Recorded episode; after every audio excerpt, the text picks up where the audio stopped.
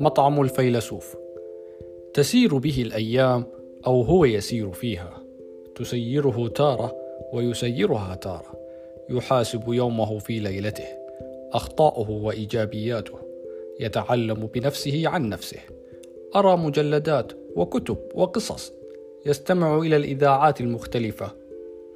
مع مرور الأيام التي تسير اكتسب لغة وقدرة على التعبير تفوق بها على أقرانه وزملائه سمي عندهم بالاخ فيلسوف فلا ينادى إلا به.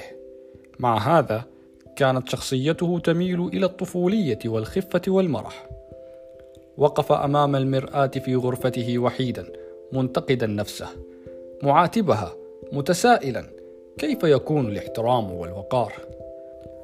قرأ ما يكتب عن الثقافة النفسية بعمق ودراية ومعرفة منفذا وصايا والتوعية. فبدأ بشكل متناقض يغلب العقل الواعي واحيانا لا واعي فيختلط الأمر عليه وعلى من معه. فكأنه ملاك أحيانا وكأنه في ولدنة أحيان أخرى.